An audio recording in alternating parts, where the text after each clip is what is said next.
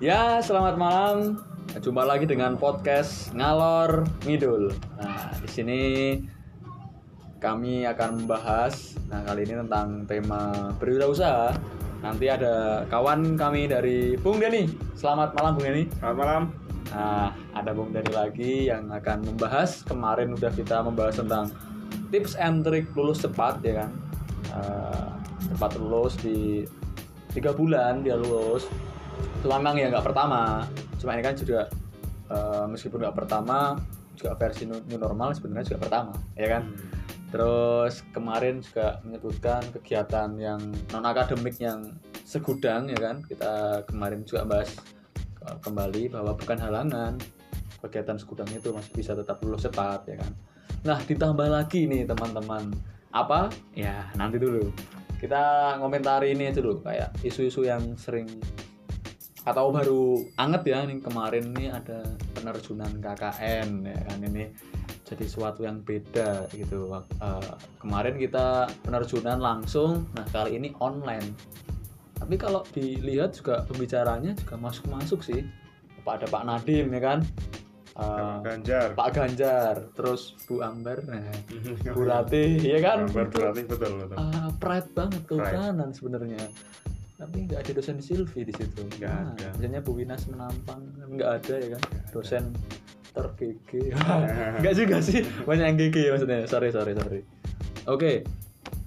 Eh, kalau KKN ini dilihat kan memang eh, sebenarnya langsung ya kegiatan yang langsung di ma- eh, mahasiswa turun langsung ke masyarakat. Jadi kalau pendapat Bung Den ini seperti apa KKN online?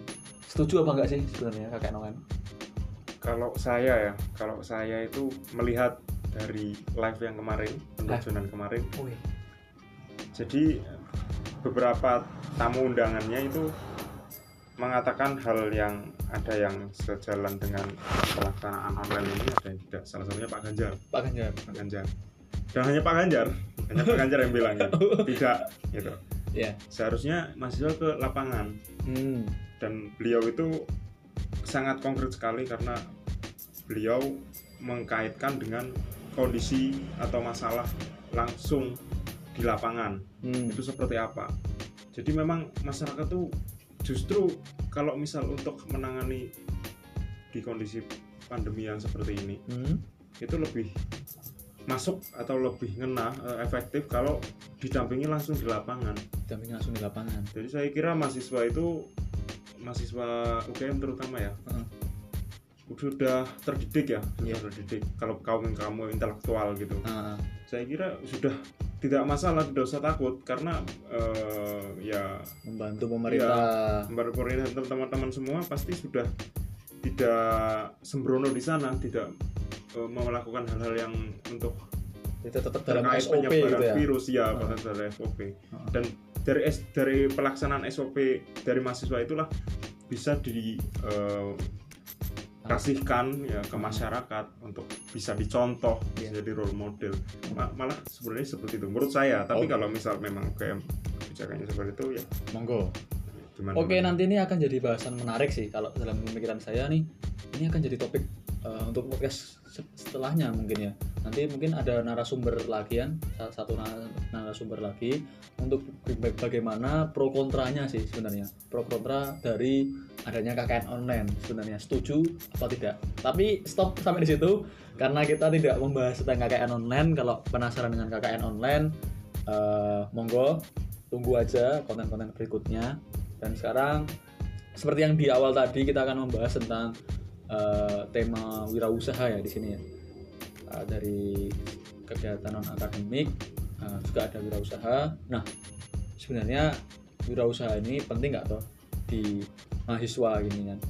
Eh, untuk menambah pendapatan terutama yang perantauan perantauan ini mungkin butuh income ini butuh income. Selain ya part time tapi juga wirausaha ini kan mandiri dan dia lebih fleksibel. Makanya kebanyakan mahasiswa memilih jalur ini. Tapi sebelum itu kita bahas ini jalan sebenarnya Bung Denny ini kan pemilik Denny Awan Seller ya kan? Betul. Sudah berdiri tanggal berapa Bung Denny? Atau ingat gak sih ya awalnya? saya ingat bulan November, November. tahun 2019 November 2019 sekarang mungkin mau satu tahun ya? Mau satu tahun hampir. Satu Nah, tahun. itu waktu ambil data saya selesai. Sih namanya. nah langsung ada Dani- Daniawan Seller. Terus ini lagi. Sebelum ke sana ya Bung ya tadi kan eh, berbicara tentang sejarah kan ya tentang sejarah ternyata November tahun tepatnya eh, tanggalnya ingat? Saya lupa ya. Saya lupa ya? Saya lupa ya. Oke. Bahkan sepertinya Oktober. Oktober malah? Sepertinya Oktober ya. Eh, di akhir-akhir itu di ya akhir-akhir Oktober Hampir nah, November. dan November itu baru benar-benar terrealisasinya. Oke, nah ini cukup menarik sih uh, kalau saya lihat-lihat karena memang khususnya untuk mahasiswa kehutanan itu sendiri karena dengan praktikum yang seabrek ya kan dari semester 1 sampai semester 7 kita masih disibukkan dengan kegiatan akademik entah itu praktikum, mata kuliah dan sebagainya. Tidak banyak yang memilih untuk berwirausaha. Nah hal apa yang memutuskan untuk melakukan hal tersebut? Monggo Bung Oke, jadi saya berwirausaha itu di latar belakangi yang pertama eh, saya itu ingin menghasilkan benar tadi income. Income. Karena selama kuliah ini saya seperti pada bahasan podcast sebelumnya saya belum pernah dapat beasiswa oke. ya kan? Hmm. cenderung outcome terus. Pengeluaran terus. Pengeluaran terus Mm-mm. nggak ada pemasukan. Pada sampai suatu saat di semester 6 di semester 6 biasa saya menulis plan planning Nah, itu salah satu plan saya yaitu peluang bisnis. Nah, di Oh, semester oke. 7, Oh, iya. semester 7. Dan eh, peluang bisnis itu ternyata saya dapat ya seperti ini, Denny Awasar. Jadi sejarahnya yaitu dari garis besarnya dari saya tuh pengen menghasilkan income Ah, untuk bisa nabung karena saya mikir saya kok terlalu boros juga gitu, Oh, oke, boros ya. Pengeluarannya boros. Dari orang tua ya. Ya nggak ada pemasukan sama sekali. Gimana cara pemasukan ya kita dengan bisnis bisnis apa gitu. Hmm. Nah, kemudian saya cari-cari tuh bisnis apa yang tepat. Dan ya akhirnya saya temukan solusi bisnis saya yaitu bisnis online. Saya pengen mencari bisnis yang fleksibel. Fleksibel oke. Betul fleksibel tanpa kita mengeluarkan tenaga lebih atau repot dan tanpa mengganggu aktivitas utama kita yaitu kuliah. Oh kuliah tetap yang utama berarti ya? Tetap yang utama Oke. cuman bisnis itu walaupun santai tapi tetap menghasilkan. Hmm ya nah akhirnya saya dapatlah bisnis seperti Geniawan Seller berbasis Hmm. online. Oke ini agak berbeda sih karena kalau teman saya sih teman kita maksudnya dari Yusuf Kurnia atau lebih akan dipanggil IB kan dia memikirkan peluang usaha yang memang ada sangkut pautnya dengan bisnis kehutanan. Tapi kan Deniawan Seller ini sebagai drop- dropshipper ya. Betul. Dropshipper ambil barang. Ya gitulah ya. Eh, intinya kok sampai kepikiran sih di bisnis online online seperti itu tidak eh, tidak di yang berhubungan gitu berhubungan di dunia kehutanan? Monggo Bung ya yang pertama saya lihat potensi pasar ya. Oke. Potensi pasar kebutuhan-kebutuhan. Awalnya saya targetnya mahasiswa dulu. Jadi bisnis saya itu bisnis kan harus di planning dulu tuh. Planning dulu planning dulu targetnya siapa terus eh, pasarnya di mana. Nah, Hmm, jadi gitu. Target saya awalnya mahasiswa. pasar dulu yang dipikirin ya? Hmm, pasar dulu siapa dipikirin. pasarnya? Nah, mahasiswa. pasarnya, ya mahasiswa. Oke. Hmm, terus saya dap, eh, me- menyuplai barang-barang yang saya jual dari mana. Hmm, dan saat itu awalnya saya targetnya mahasiswa. Saya targetnya mahasiswa saya melihat potensi-potensi peluang-peluang tren ya tren-tren. Saya kan bisnisnya bisnis barang jadi tren-tren di mahasiswa itu apa aja sih? Saya riset lah saya riset tipis-tipis gitu lah. Ah, ah. saya riset tipis-tipis terus ah saya putuskan jual ini jual ini jual ini. Awalnya tidak banyak seperti itu. Tapi saya mikir ketika saya targetnya cuma mahasiswa ya pembelinya cuma terbatas. Sempat ya terbatas. Hanya kalangan mahasiswa aja. Dan belum tentu semuanya membutuhkan itu. Membutuhkan Nah, itu. jadi saya pikir saya pengen menjamah yang lebih luas di kalangan. Luas akhirnya saya menjual berbagai barang yang ada. Ah, nah gitu. Oh, oh. jadi melebarkan sayap lah ya dari mereka saya ya. dari mahasiswa. Memang untuk utamanya dari awal memikirnya mahasiswa dulu, targetnya mahasiswa dulu. Berkembang berkembang berkembang sampai sekarang ini ya. Mhm. Nah, meskipun ini juga nantinya akan dikembangkan lagi. Iya kan? betul. Oke, terus eh, tadi nggak dijawab sih masalah kenapa nggak milih dunia kehutanan oh sih, iya iya iya. untuk bisnisnya betul. Kan karena kan backgroundnya juga kehutanan ya boleh kita bilang eh, memang banyak juga pengusaha yang tidak memikirkan eh, di backgroundnya masing-masing. Tapi kan juga sebenarnya peluang kehutanan itu kalau misalnya untuk bisnis kan juga lebar nah kenapa nih Besar. Bung, Bung Denny tidak sempat kepikiran untuk mengembangkan hal-hal yang ada di kehutanan Hmm, jadi yang pertama kalau misal kita bisnis di dunia kehutanan itu kita harus eh, memampukan diri dalam arti gini saya masih mahasiswa Sa- saya melakukan bisnis apa yang saya bisa dulu gitu hmm. ketika saya melakukan bisnis yang sesuai bidang saya contohnya Mas Ibe itu Hmm. mem- membuat jam tangan kayu itu ya Hmm, hmm. itu luar biasa Luar ya biasa. memang memang eh, dia itu merasa mampu. Dia merasa menurut saya menurut saya dia merasa mampu dan akhirnya dia fokus di situ. Oh. sampai nggak kuliah sekarang ya. Oh, malah iya, sukses di bisnis. Iya. ya. karena memang dia merasa mampu di situ. Itu pilihan. Itu pilihan. Itu keputusan. Dia Ah. keputusan berarti dia ha- memilih A atau B. A Oke. adalah kuliah B adalah bisnis dia milih bisnis. Ah. ya kan? Oke. kalau saya itu pengen dua-duanya jalan. Jalan-jalan. Nah, dan saya mampu mengerjakannya. Jangan Ah, lupa. Iya iya jangan iya. di jangan di melebihi kemampuan kita kita Hmm. harus pada batas kemampuan kita yang bisa kita lakukan Iya. gitu mungkin juga kalau kita lihat dari sudut pandangnya dari Mas Ipe sendiri memang ini juga belum tentu juga ya karena kan kita tidak mendatangkan narasumbernya cuma Hmm. kalau dipikir mungkin kalau Ibe ini akan memikirkan kuliahnya atau apa juga Garvivans atau Garvivans itu nggak bakal berkembang sedemikian rupa ya kan betul itu sebuah pilihan Nah, berarti ya? sebuah pilihan. Kalau Ah. Mas Ibe mungkin ya, ini berarti mainan pola pikir saja. Ah, pola pikir Ah, pola pikir. Kalau pola pikir saya, saya mampu kuliah jalan, bisnis jalan. oke siap Gitu. Terus kendalanya ini sih, kendalanya dalam berwirausaha ini apa? Ini kan mesti setiap uh, usaha-usaha beda lah ya, beda dalam tantangan, kendala dan sebagainya. Nah, kalau di Bung Denny nih, usaha Bung Denny ini apa sih kendalanya? Oke, jadi ber- beranjak dari Deniawan Seller itu bisnis apa sih sebenarnya? Oke, Daniawan Seller boleh. Kok bisa toko serba ada? Ah, ah, iya, iya. Kok apa aja ada? Iya. Kayak kontak kantong Doraemon. Ya kan? Gitu. Iya. Soalnya ada yang bilang, "Uh, Deniawan Seller kayak kantong Doraemon apa aja ada gitu. Ada yang bilang gitu. Kalau saya pesen uh, laprak itu jasa laprak ada kayak Oh nggak ada. Nggak ada ya? Itu kan jasa, Oh, itu iya. saya barang. Oh barang ya? Barang dan jasa beda. Oh, Nah, Oke, saya barang. boleh lah, insight bagus. Ya kalau jasa seperti itu mungkin bisa sih itu. Bisa. Anda bisa. ya. Oke lanjut Oke. eh, ke topik. Jadi Daniawan Seller itu ya Daniel Masair itu adalah bisnis namanya dropshipper. dropshipper. Beda sama reseller. Beda ya? Beda. Jadi reseller kalau reseller jadi ada tingkatan tuh. Hmm. Produsen, eh produser, ya produser, kemudian supplier, Hmm. reseller, dropshipper. Oh, dropshipper di bawahnya reseller berarti ya? Ya, kurang lebih seperti itu.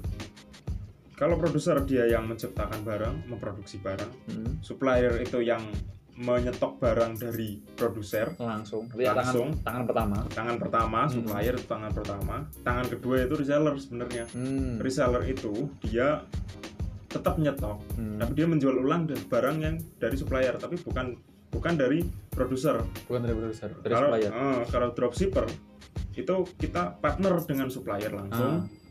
dan kita tidak nyetok Oh, kita tidak nyetok butuhnya apa disikat butuhnya apa bisa disikat Oh. hubungi supplier supplier yang mengirimkan ke customer yang Oh. kita beli gitu. Tapi kalau dropshipper nanti pesannya di reseller juga bisa? Atau langsung ke supplier aja? lebih baik langsung ke supplier karena kita mengandalkan harus mengandalkan kecepatan kita Hmm. mengandalkan juga kualitas barang juga. Jadi Oh, lebih lebih terpercaya di supplier gitu. Nilai lebihnya banyak lah ya. yang- dan di supplier varian barang lebih banyak yang jelas dari reseller. Biasanya reseller hanya fokus satu dua barang saja. Oh, tapi gitu. kalau supplier itu seringnya eh, kebanyakan bagian besar mereka toko serba ada. Jadi sebenarnya dropshipper adalah klon dari supplier. Oh, nah, klonnya ya? klonnya dari supplier. Hmm, Nah, jadi tapi tapi dropshipper nggak nyetok oh, gitu ya. cuman dropshipper eh, sangat sangat Ibaratnya ya supplier itu ibunya, dropshipper anaknya. ah, betul sangat ya? berhubungan dengan Ah, supplier berhubungan. saling saling interkoneksi yang positif juga boleh Betul. masuk terus tadi kan udah disebutkan ini terus barang-barangnya tadi kan apa-apa aja ya yang dibutuhkan mahasiswa nah kena kendalanya tadi kembali masuk ke kendala itu Betul. seperti apa Ya.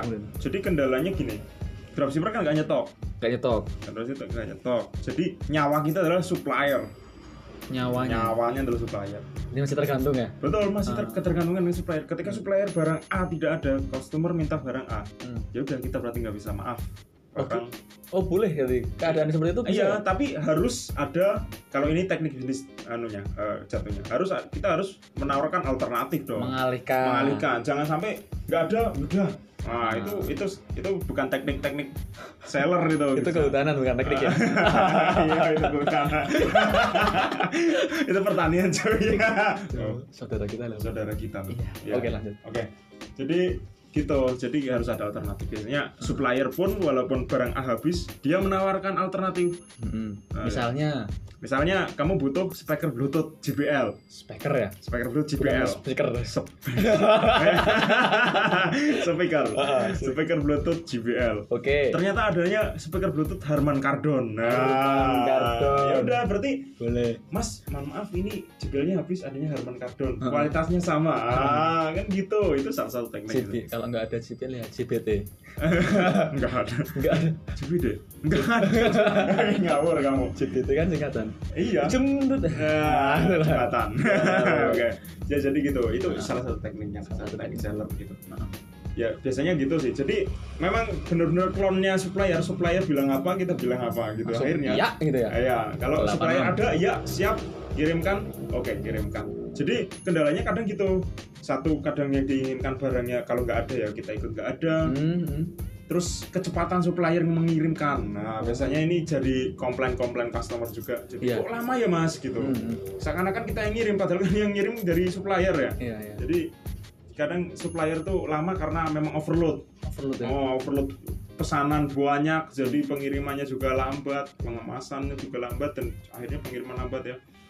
Ya itu itulah salah satu kendala. Jadi kadang "Kok lama banget ya Mas. Ya sabar ini sabar Bu. Ini Sabar. agak overload. Padahal yang overload sok supplier. Nah, berarti nanti ditunggu eh, mungkin dua minggu atau seminggu ya? Nah, ya enggak enggak juga selama itu dong. oh ya ya paling paling pengiriman maksimal eh pengemasan maksimal Tiga dua hari. hari lah. Dua hari ya? Dua hari aja. kalau Sa- sampai ke ke sampai pelanggan. sampai ke pelanggan ya dari pengiriman itu ya dua hari sampai tiga hari. Boleh. Betul gitu. Jadi kendalanya hanya seperti aja, seperti aja. oh kalau kendala dengan lingkungan sekitar gitu tuh gimana mas? Kalau awal-awal kan usaha tuh mesti gitu kan maksudnya. Oh, ya ya juga kendala awal-awal biasa ya biasa namanya namanya mahasiswa ya. Mahasiswa. pasti dengan memulai ya kita dicaci. Caci itu, itu sering berarti. Ya itu sering banget awal-awal itu. Tapi tapi apaan tuh? Oh, apaan tuh bangsat? Dipanggil panggil itu biasa ya. Tapi itu jadi jadi motivasi saya. Jadi maksudnya saya akan buktikan itu. Kamu Ah. mencaci saya tapi saya akan buktikan cacian kamu itu salah. Salah. wah betul itu. Jadi Ah, kita buktikan dengan dengan penghasilan yang real. Nah sa- kalau saya motivasi saya seperti itu. jadi Iya. jadikan motivasi. Jadikan motivasi saja. jadi itu biasa. mungkin kalau misalnya kan ada mahasiswa A nih ngece Bung Denny. Nah. Ah apaan lu bangsat? Nah, Hmm. apa lu? Karena gitu. Misalnya misalnya gitu. Iya ternyata terus kamu bilang nanti saya buktikan dengar karya. Maksudnya kamu gitu. Padahal yang ngece itu supplier. Oh itu bisa. Itu bisa. Bisa kan? iya kalau kalau itu ya udah ya. saya terima itu cacian Ampun, gitu. ampun gitu kalau itu ampun. Tapi kejadian itu nggak ada ya? Jadi nggak ada. Belum ada. supplier supplier pasti menjaga bener dropshippernya juga. Oh, iya. betul. Nah. Kalau bisa dibilang "Hey, ini serius. Cuma bilang hal yang terindah itu adalah ketika kita bisa membuktikan atau balas dendam terindah itu ketika kita menunjukkan dengan karya. Dengan bener, karya ya. Saya kayak gitu gitu. bener bener. Bener kan? Ya. Kan waktu di atas wah bisa lihat. Tadi kemarin aku ngece-ngece deh. Salary sekarang udah tinggi nih terus kamu balik sih nah enggak Dan ternyata dia beli di saya nanti habis itu. Iya. yang yang yang apa yang mencaci-caci itu ternyata Kalau- beli barang di saya. kalau beli nggak masalah Bung Denny. Tapi Iya. kalau mengikuti jejak nah itu. Nah itu itu betul. Itu yang harus terus dia dicaci dulu. Dan kamu yang nyaci. Oh enggak saya enggak nyaci. Oh, enggak nyaci ya. Oke lanjut ya. Terus ini kan udah hampir setahun lah ya. Meskipun belum bisa dibilang eh, mungkin pendapatannya juga nggak eh, nggak terlalu itulah ya. Belum belum belum terlalu sesuai harapan ya. Tapi kalau bisa dibilang nggak sih untuk konversinya aja. Misalnya dalam setahun ini atau dalam mau setahun ini bisa untuk apa sih? Untuk eh, pendapatan dari Oke Seller. oke oke. Jadi kalau misal ya sedikit-sedikit bocoran ya pendapatan lah pendapatan yang saya dapat dari bisnis bisnis yang seperti ini tuh ya alhamdulillah lumayan katakanlah untuk saat ini ya bisa buat beli roda dua gitu lah. Ah, Gitu lah. Kalau misal mau dikonversi roda dua. ya Ro- kalau- roda dua itu aja, roda dua aja. roda dua bermesin dong. roda dua bergenjot itu. Saya kira Itu rodanya aja maksudnya. oh enggak, enggak, enggak. Jadi ya ada stangnya, ada mesinnya dong ya. Ada joknya. Ya bilang aja apa? Mod. Ah, gitu loh. Kan nanti Alhamdulillah ya Pak, kalau misal dikonversi bisa beli. itu. podcaster nanti kan bilang, "Hah? Bukan Hah? roda. Eh, Mending saya tidak bagi dropshipper." Gitu jadi. ya ya ya alhamdulillah bisa ya kurang lebih bisa buat beli itu Nah, kalau misal per bulannya itu ya alhamdulillah mungkin bisa buat hidup sebulan Hidup kayak sebulan gitu. tuh masih- Sebulan masih surplus lah. ya? Mm-mm. Masih surplus. surplus alhamdulillah kalau dropshipper itu memang eh, didesain bisnis didesain itu tanpa rugi Tanpa rugi ya. tanpa rugi selalu untung Oh, karena kan emang dia eh, penting promosi aja, terus betul mencari konsumen. dari konsumen Kan dia kan juga nggak nyetokkan juga kan. betul Hmm, Mm-mm. gitu gitu. Oke. bisnis tanpa rugi kita juga nggak repot mengirimkan juga mengemas ya. Heeh. Jadi kayak ya udah kayak dari penghubung aja kan. penghubung aja betul. Semacam humas gitu kan. ya Kalau semacam panik. mas Gak ketahuan. Kok mas Oke. Kalau tadi kalau ini berarti tadi podcaster ngalor ngidul bahwa siapa yang penasaran untuk pendapatan Daniel Seller seberapa besarnya? Wah, itu tadi bocorannya bisa beli roda dua.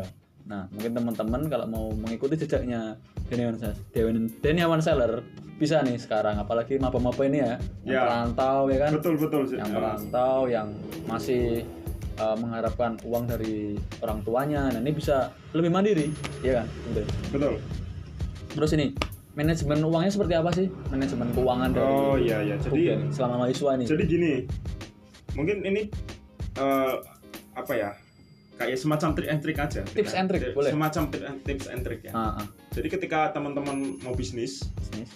kalau bisa ATM-nya tuh banyak. Hmm. ya minimal dua lah. Minimal dua. Oh dua ya? Satu untuk tabungan Ah. satu untuk kebutuhan. Boleh. Hmm, jadi ketika dari bisnis mendapat penghasilan, Hmm. mana yang mau dibutuhkan, mana yang mau ditabung, oke. gitu. Boleh, jadi ten- karena cenderung gini, ketika kita memiliki hanya satu ATM aja itu antara kebutuhan dan tabungan itu digabung pasti akan kebutuhan terus, Iya, jadinya benar, nggak benar. tertabung. Ah, ah. Jadi lebih baik menyimpan uang tabungan di ATM yang berbeda dan dengan komitmen bahwa ATM ini buat tabung jangan diambil-ambil untuk kebutuhan untuk kebutuhan ada sendiri. Jangan digrebek-grebek jangan digrebek-grebek Oke. dan sampul-sampul itu jangan. Jangan. Jangan. Jangan. Yang Jadi, kebutuhan aja berarti? kebutuhan Boleh. ya mm, jadi jadi untuk kebutuhan sendiri gitu. Oke. Oh itu bagus sih. Iya. kayak cara itu ya. Itu itu itu itu wajib banget menurut saya. Dan eh, kalau misal bisnis kalau bisa ATM-nya banyak sebenarnya. Saya ini rencana ya mau mengembangkan ATM lagi. Jadi kadang customer itu ATM berbeda kadang kena cas juga gitu kan. Iya iya iya. Itu salah satu kendala Keluhan. juga pak Kendala. Nah, iya kendala. Aduh ATM-nya ada yang ini gak ya? Gitu. Aduh adanya ini ya gitu. Ya udah nanti insya Allah nanti saya bikin ATM lagi.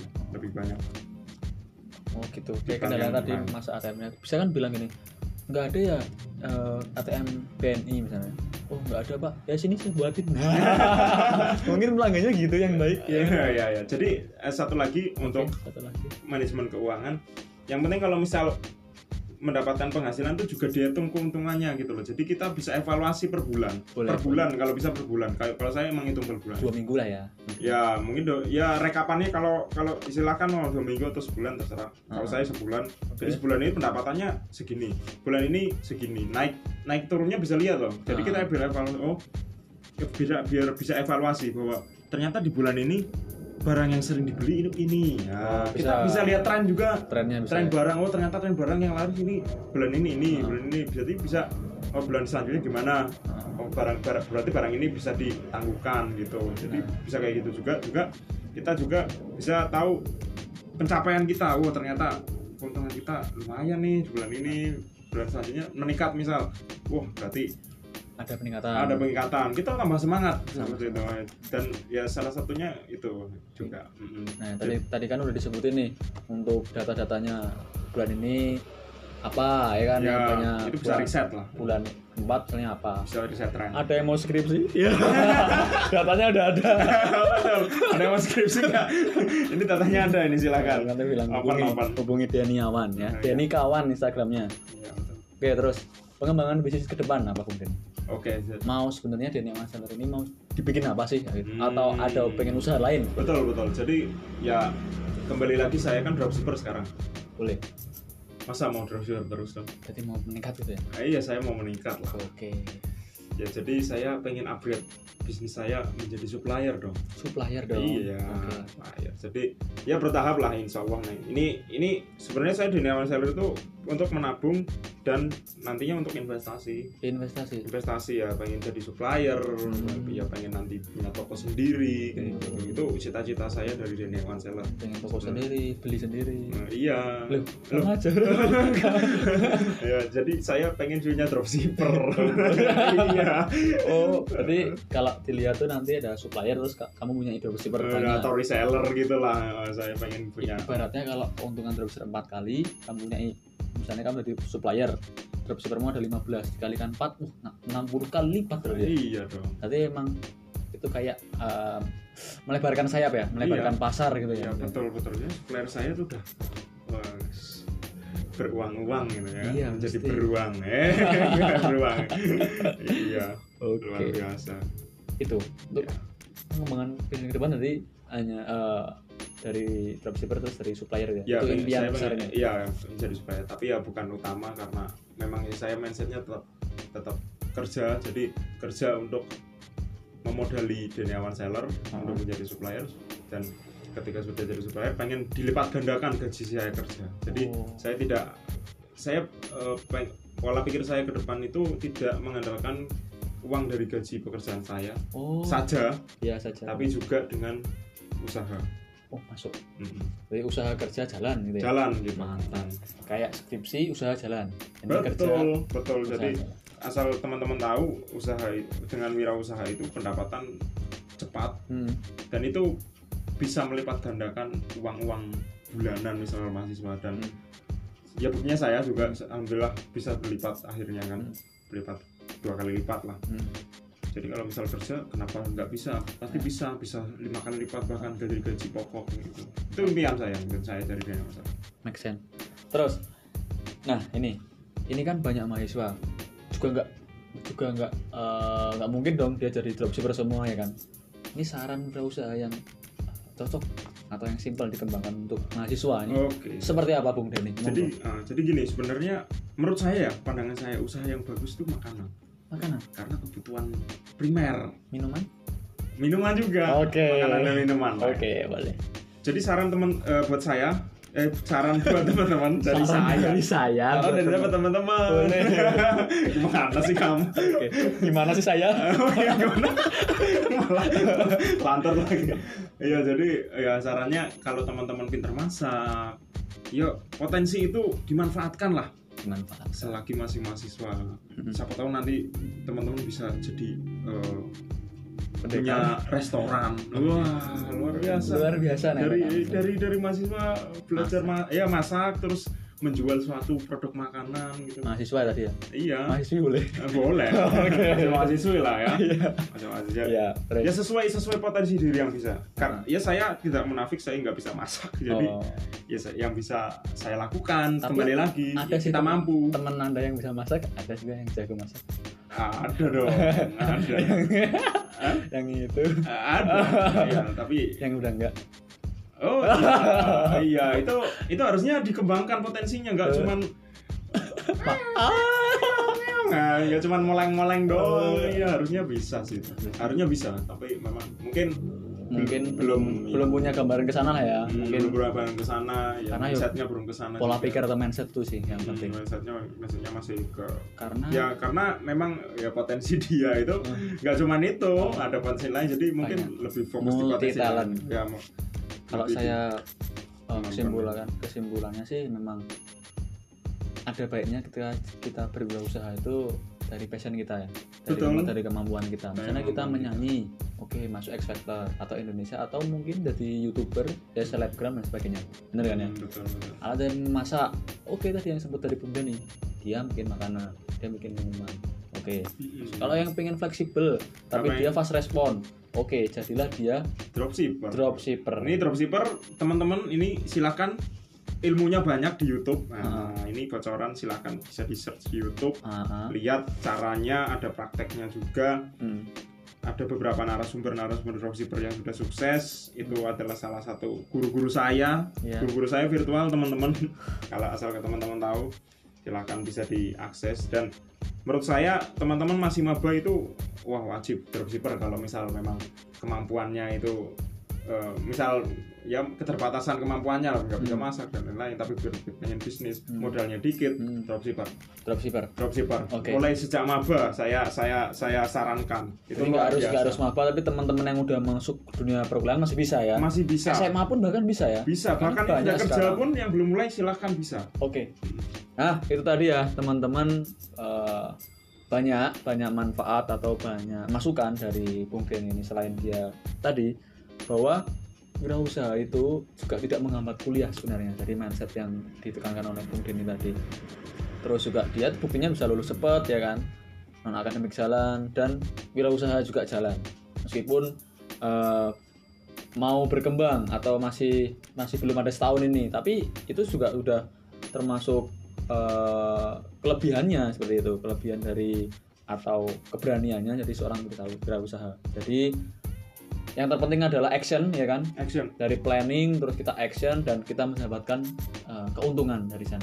Oke gitu aja podcaster ngalor ngidul. Nah tadi kita bahas tentang wirausaha. Semoga bermanfaat dan salam wirausaha. Salam wirausaha